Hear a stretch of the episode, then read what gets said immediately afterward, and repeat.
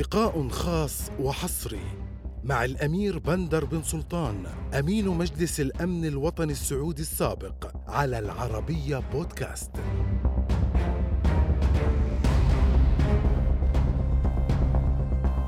وصلنا إلى اتفاقية أوسلو في عام 93 ولكن ومعروف إيش حصل في أوسلو ومعروف أبو عمار ورابين وبيريز جو واشنطن ووقعوا اتفاقية أوسلو واعترفوا مع بعضهم. الشيء اللي كان حرام أول على الجميع. لكن ما يمكن ننسى في هاللحظة مرحلة مهمة ما بين آه، الفترة اللي ما كان فيها أي تحرك إيجابي تجاه القضية الفلسطينية ورغم كل المواقف اللي ذكرتها في سواء أبو عمار رايح لصدام ولا يرقصون في نابلس فرحة بضرب الرياض وإلى آخره مع كل هذا مع كل الالم ومع أنه كان ما لنا علاقه قطعة علاقات كاملة مع أبو عمار وجماعته بس ما قطعنا علاقاتنا مع القضية الفلسطينية. فلسطين مي بهذول ورؤسائها فلسطين هي فلسطين. هم يتسببون في الضرر مو بحنا.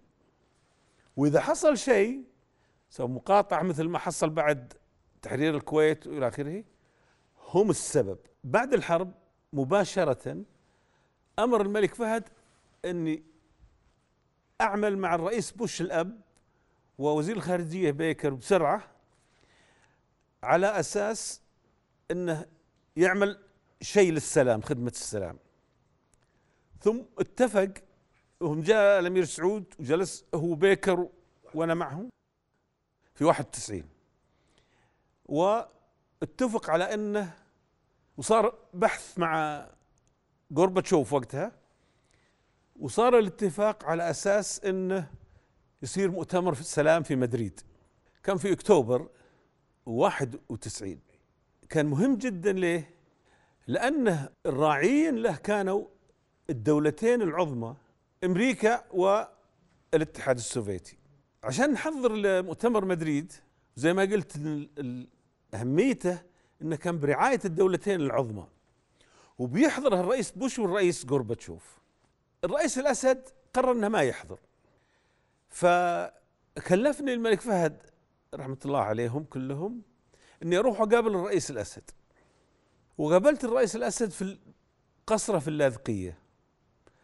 وبعد حوار طويل قلت له أو وضحت له تفاصيل رأي الملك فهد وكيف هذا يخدم سوريا ما يضرها.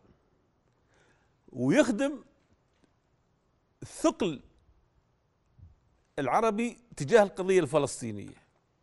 ففهمت الرئيس عليك حمل حمل الجولان محتله ونبيها تتحرر إن شاء الله. وحمل القضية الفلسطينية فما يمكن الأمة العربية كلها تروح.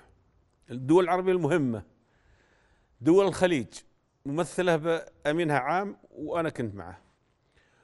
ومصر والفلسطينيين والأردن ولبنان إذا أنت رحت لأنه قال ما نروح لين يروح السوري وتكون سوريا غايبة بحضور الدولتين العظمى. هذا ما هو فكر شوي. وجالس أنا وياه في الصالون ويطل على بلكونة كبيرة يطل على البحر. وأشوف فيها شاب من الأمن حقه معه كليشنكوف يمشي رايح جاي. الله يرحم حافظ الأسد. له سيئات وله حسنات. لكن له مواقف معينة أنا أتذكرها الآن إنه ما عمره كذب علي. لكن عشان يوافق كان من أصعب الأشياء إنك تأخذ منه موافقة. بس إذا وافق التزم. قال لي أنا بوافق وأنا بأرسل وفدنا ويرأسه فاروق الشرع وأكيد الإخوان اللبنانيين إذا حبوا يروحوا قلت له يا فخامه الرئيس إذا أنت رحت بيروحون اللبنانيين. قال طيب وكان وزير خارجيتهم وقتها بويز السيد بويز. بعدين قال لي جملة ما أنساها. قال لي بس اسمعني زين. شايف الشاب اللي هناك؟ اللي هونيك قلت له إيه. قال لي بعد ما نعلن رايحين نحضر اجتماع وجه الوجه موجودة فيه إسرائيل إيه ما بعرف أعطيه ظهر ظهري ولا لا؟ عرفت حجم الإشكالية بالنسبة له داخليا أمنيا حزبيا. وبعدين بعد ما فكرت فيه بعدين ما هو غريب أن شحنت الناس بفكرة معينة وفجأة صارت فرصة. بدون ما يكون عندكم فرصة تقنعون المواطن بالحكمة والمصلحة العامة اللي تقتضيها قلت له يا فخامة الرئيس بالعكس أنت شعبك أنت قدوة لشعبك وهم واثقين فيك وإذا أنت قررت تعمل هالشيء بيقتنعون بإذن الله البي... ورحنا مدريد وصار اللي صار. حدث حادث بسيط في مدريد. واحد موظف صغير في الوفد الفلسطيني كان لابس كوفية فلسطينية على كتفه. وكنت أنا جاي بدخل أنا والأخ عبد الله بشارة بندخل صالة الاجتماعات.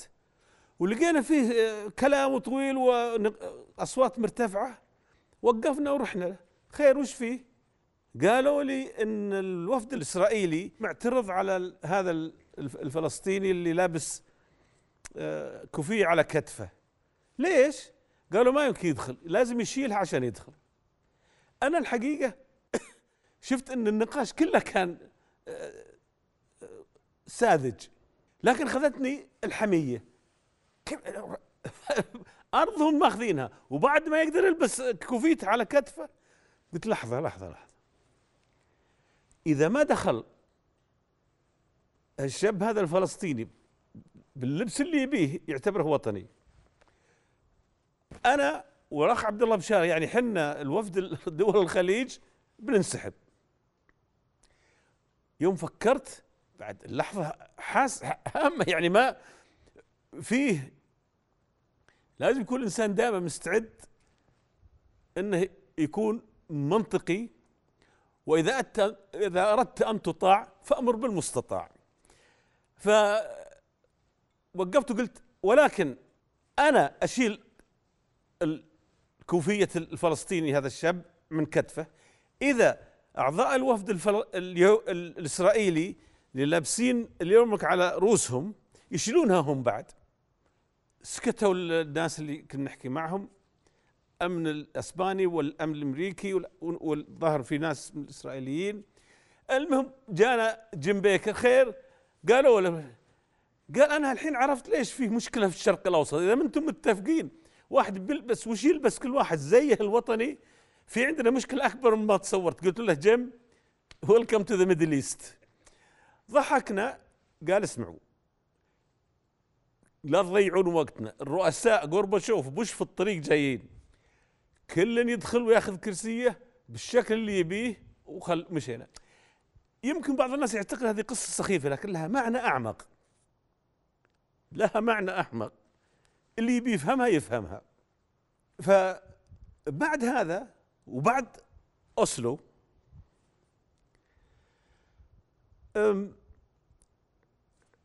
جاء عام 95 صارت استمروا يتفاوضون مع بعضهم والآن ما عاد صاروا يحتاجون وسيط يجلس بينهم أو لقاءات سرية صاروا يجلسون علنا ويتقابلون وإلى آخره.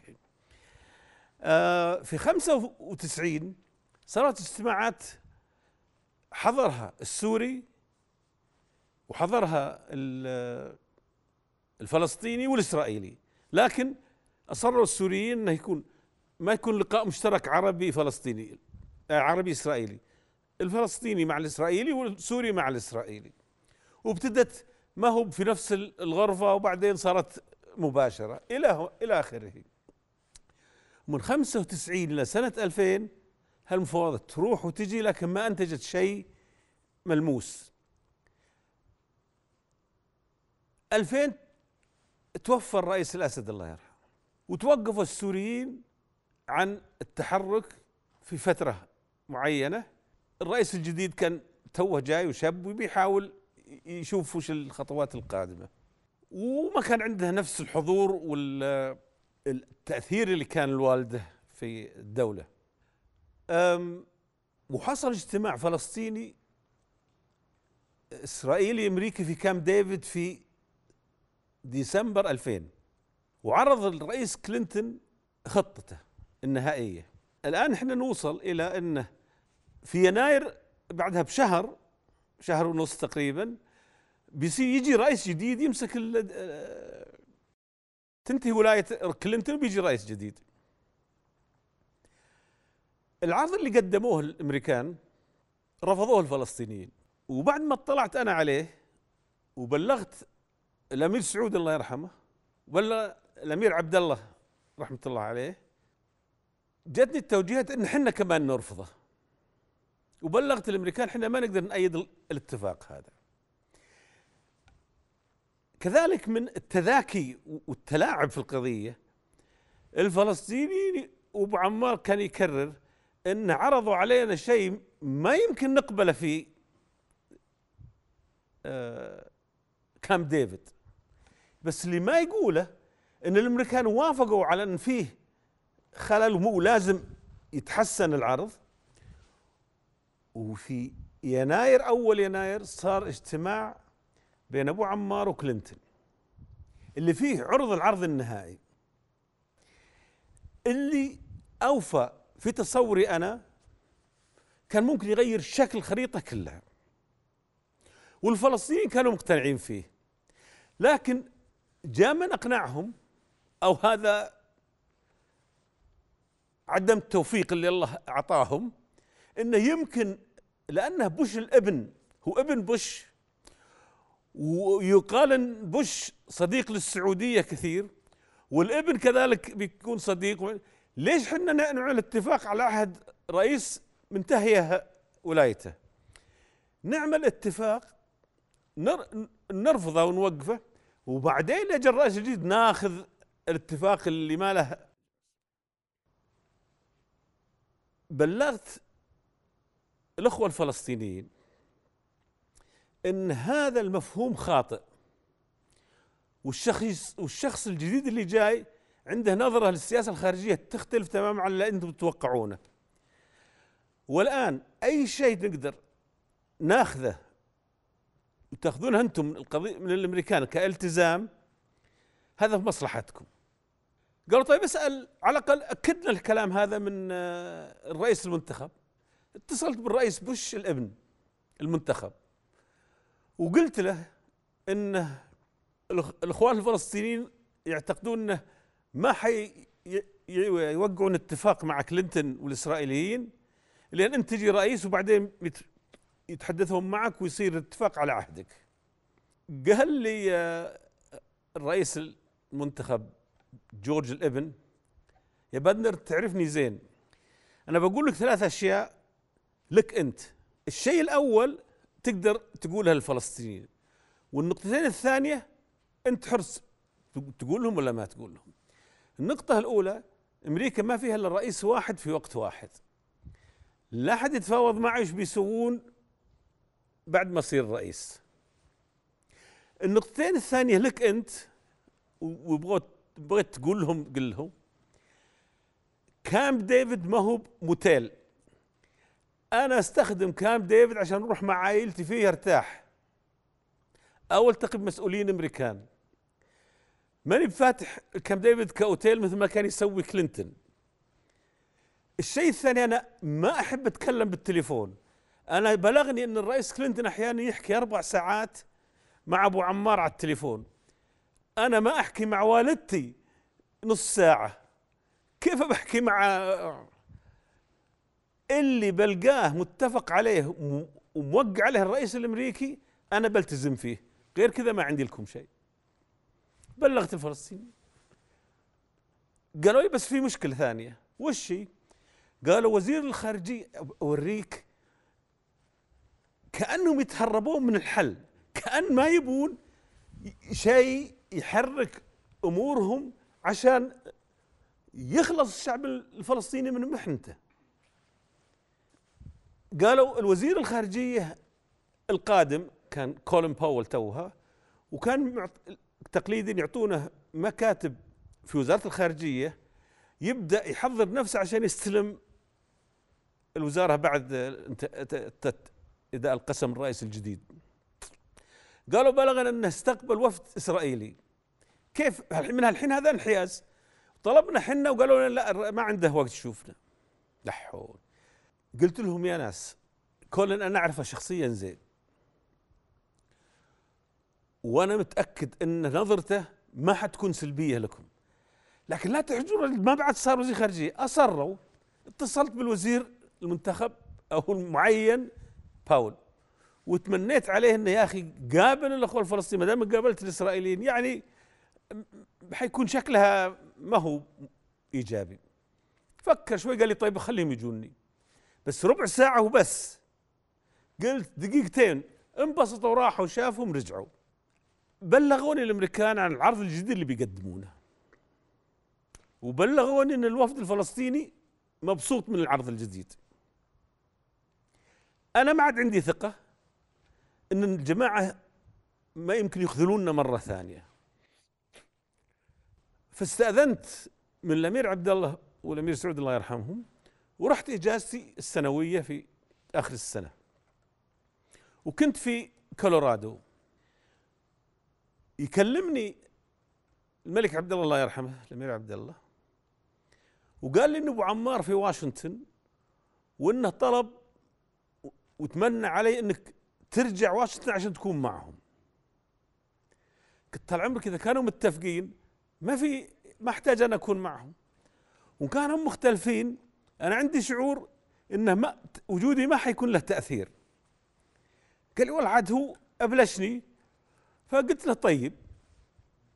وإني أنا نسقت مع حسني مبارك الله يرحمه إنك أنت وزميلك السفير المصري تروحون تشوفون أبو عمار وتشوف. وصلت رجعت من أسبن والتقيت مع أبو عمار. في بيتي هو أنا وياه والسفير المصري. وحكينا عن الموضوع والاخري وانه شاكر ومقدر. ها وكيف أموركم؟ أمورنا ماشية طيب. في بس تفاصيل صغيرة بكرة الصبح. عندنا اجتماع في البيت الأبيض وبعدها يصير الإعلان. بس أنا اللي طلب منكم يقوله لي أنا وزميلي السفير المصري الأخ فهمي الله يذكره بالخير. وش الطلب؟ قال أبيكم تأكدون لل أبغى إن الأمير عبد الله والملك الحسن والرئيس حسني مبارك يعلنون فورا بعد ما نعلن الاتفاقية هذه بين كلينتون وباراك رئيس وزراء إسرائيل وأنا فورا يعلنون تأييدهم. حتى هذه توازن الأمور بالنسبة لنا وحتى سوريا ما تتحرش فينا. قال له السفير المصري يا فخامة الرئيس إذا أنت أعلنت هذه مو بس بيعلنونها بيجون هنا ويأيدونك إذا حبيت. قلت أنا موافق. فيبغى المغرب والسعودية ومصر تعلن. قلت أنا وأنا أكد لك دول الخليج بتأيدك والأردن بيأيدك. ما في هنا إشكالية من هالناحية هذه. قال طيب وراح. ثاني يوم آه سألت صديقي السفير المصري وش رأيك؟ قالوا أنا ابتديت أشك قلت له خلينا أنت تتصل عن طريق وأنا بتصل عن طريقي بالأمريكان ونشوف كيف الجو فإذا كان يحتاج تدخل أنا وأنت نتدخل بسرعة وإذا ما قدرنا على الأقل نبلغ رؤسائنا يتحركون بسرعة لأن ما عاد في فرصة. بكرة اليوم الحسم.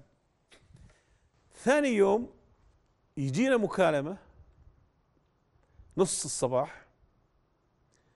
إن أبو عمار يرغب يشوفني أنا والسفير المصري بسرعة في مقر سكنة في الأوتيل. رحنا. دخلنا عليه سلمنا عليه وجلسنا. ولينا ما هو زي العادة. فسألته أنا اخ أبو عمار ها طمنا. قال لا ابشركم الحمد لله الأمور مشيت. أكيد؟ قال أكيد. طيب ليش ما أعلنتوها ولا؟ قال لا بس في نقطة صغيرة تتعلق بالأمن وأنا جالس أنتظر بيجيني الآن آه، رئيس السي آي اي جورج ستننت وقته عشان بس في تعديل آه، يمكن لغوي ولا شيء نقطة هنا وبعد ما نخلصها برجع البيت الأبيض و قلت له الله يبشرك بالخير. قال له الأخ فهمي مبروك يا فخامة الرئيس. شاء الله يبارك فيكم. شكرا. فهاللحظة يدخل علي الضابط المرافق السعودي. آه، اللي هو نايف المزيني. الله يذكره بالخير. قال وأعطاني ورقة. فتحتها إلا فيها رسالة تقول نرغب بندر يتصل فورا بأسرع وقت بالبيت الأبيض لأن مستشار الرئيس الأمن الوطني يبغى يحكي معه.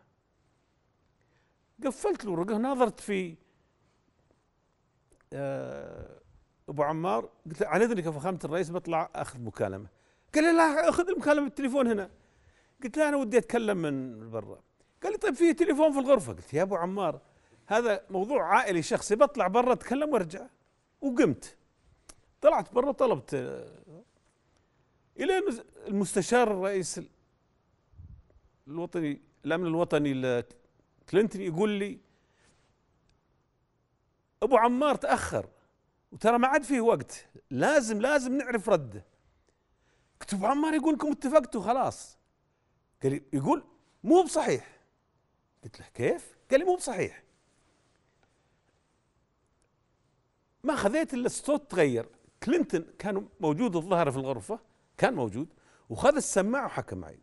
قال لي اسمع يا بندر أنا جبت اتفاق ما يمكن أحد يجيب ما جابها أحد قبلي للفلسطينيين. وقبل يومين أو ثلاث براك اتصل فيني وقال ترى أنا ما أقدر أوافق أمشي في هالاتفاق لأنه ما عندي تأييد له في إسرائيل وفي حكومتي. يقول وأنا قلت لبراك إن هالاتفاق اللي وصلنا له معكم ما حيتغير ولا أقبل. وإذا انسحبت منه أو رفضته بأطلع أنا علنا وأعلن أن إسرائيل هي اللي فشلت اتفاقية السلام اللي كان مقترحة وكان موافق عليها مسبقا وبالتالي أنا قلت لأبو عمار نفس الشيء وهو يبغى يغير فقرات ما أقبل أغيرها ولا نقدر نغيرها.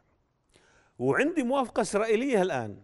إذا جاء أبو عمار وأعلن هنا وأنا وياه هالإعلان براك بيجي هنا وثلاثتنا نطلع ونقول إن عندنا اتفاق ونحدد ونوقع الاتفاق.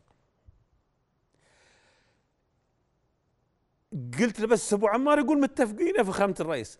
قال لي كذاب. وقال بروح وأجيكم بعد نص ساعة. الآن لنا ساعتين ننتظر مم. بغيت أبكي. كان قلبي محترق كيف ضاعت الفرصة مرة ثانية؟ ويمكن تكون مرة أخيرة.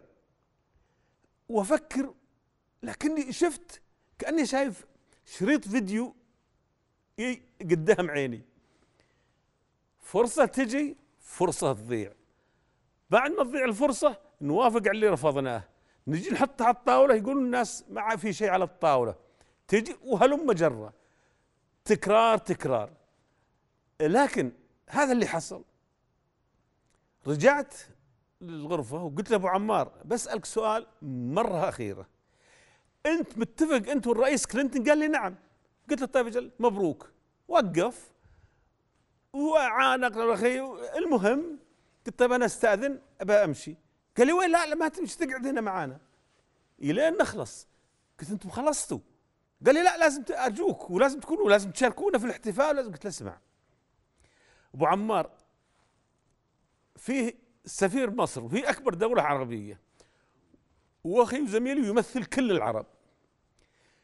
هو باقي عندك هنا. ناظر فيني الأخ ما فاهمي مثل اللي يقول وش اللي حاصل؟ أنا لازم أمشي لأن عائلتي في المكان اللي تركتهم فيه في الإجازة.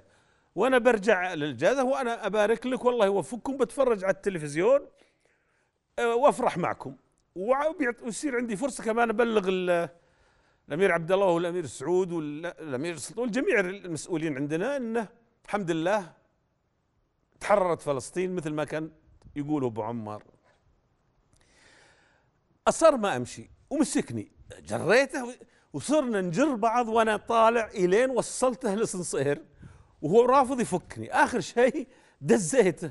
يا أبو عمار أنا بسافر. وش تبي أنت؟ إذا كانك صادق وتقول عند وصلت للاتفاق خلاص ما تحتاجني. الضباط اللي معي والامن والأمن الأمريكي فتحوا باب السير واركب السير وانزل. واركب سيارتي. وأكلم جماعتي قلت اطلعوا المطار إحنا بنمشي الليلة. هالحين أول ما تجهز الطيارة. واطلب الأمير عبد الله الله يرحمه.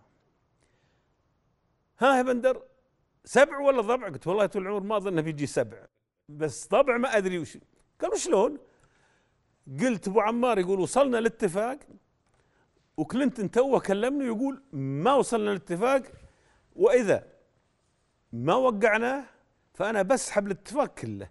ماني محوله للرئيس اللي عقبي لأن الرئيس اللي عقبي ما يبي شيء خليناه له مو منتهي. قال لا حول ولا قوة إلا بالله.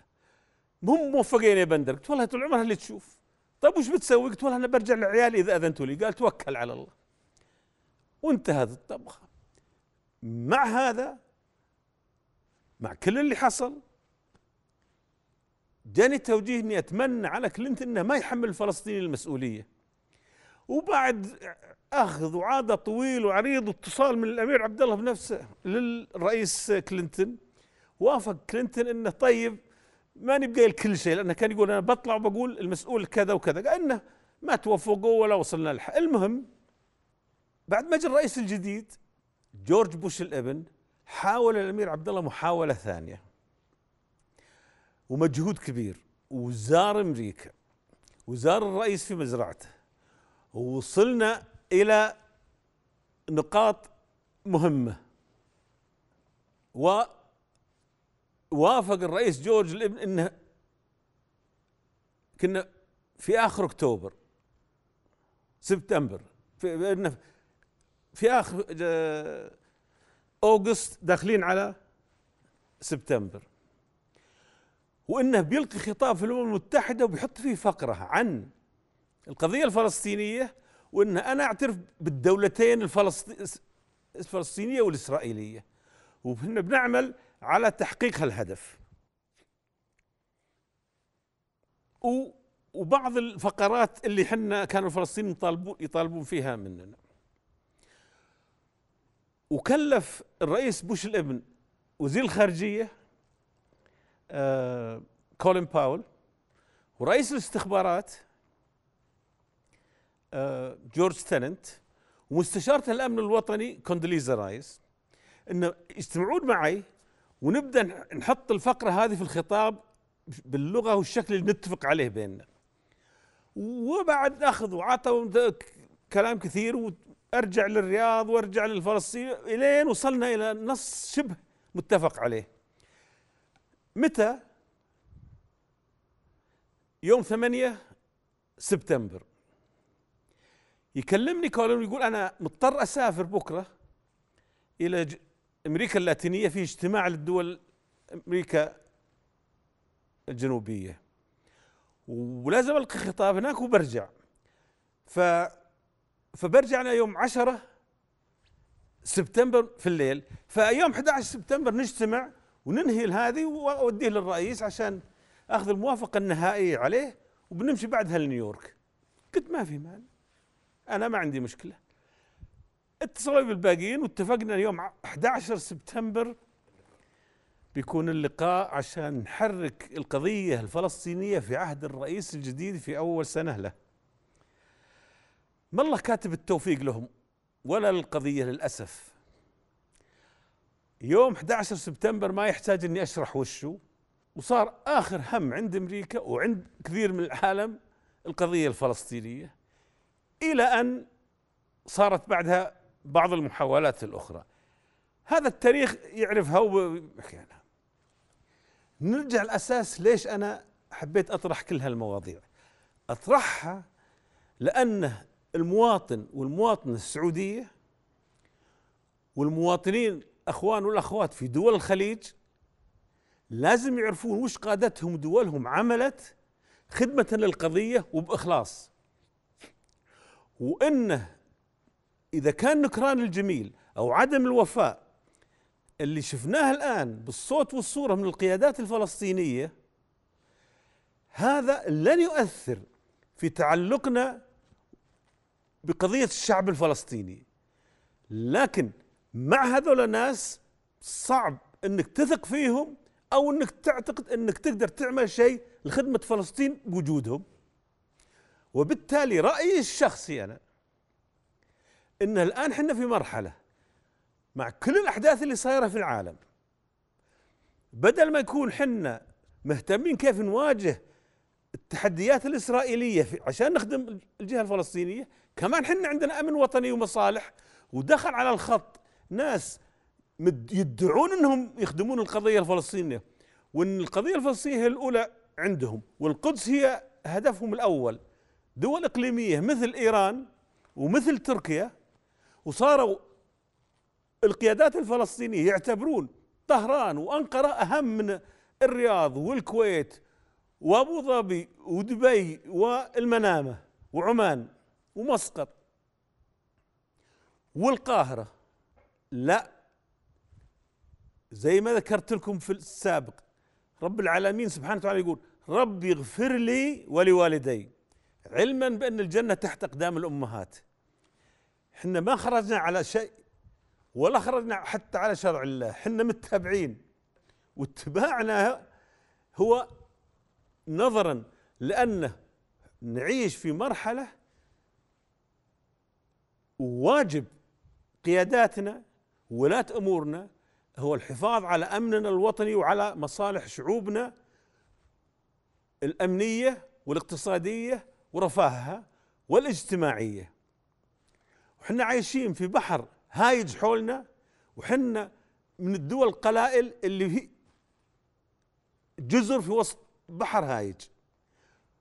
واجب شعوبنا علينا إن نحافظ على الوضع اللي حنا فيه. مصر أكبر دولة عربية وشعبها العظيم اللي تشتغل ليل نهار عشان تفك الفلسطينيين من كل التحديات والتضييق على شعب غزة من قبل إسرائيل. بؤرة للإرهاب اللي يطلع منها ويروح ويقتل ويرتكب جرائم في سيناء وفي مصر. يا ناس الله بالعين ما شفناه لكن بالعقل عرفناه. لا الشعب المصري ولا شعوب الخليج ولا كثير من الشعوب العربية ترضى باللي يشوفونه.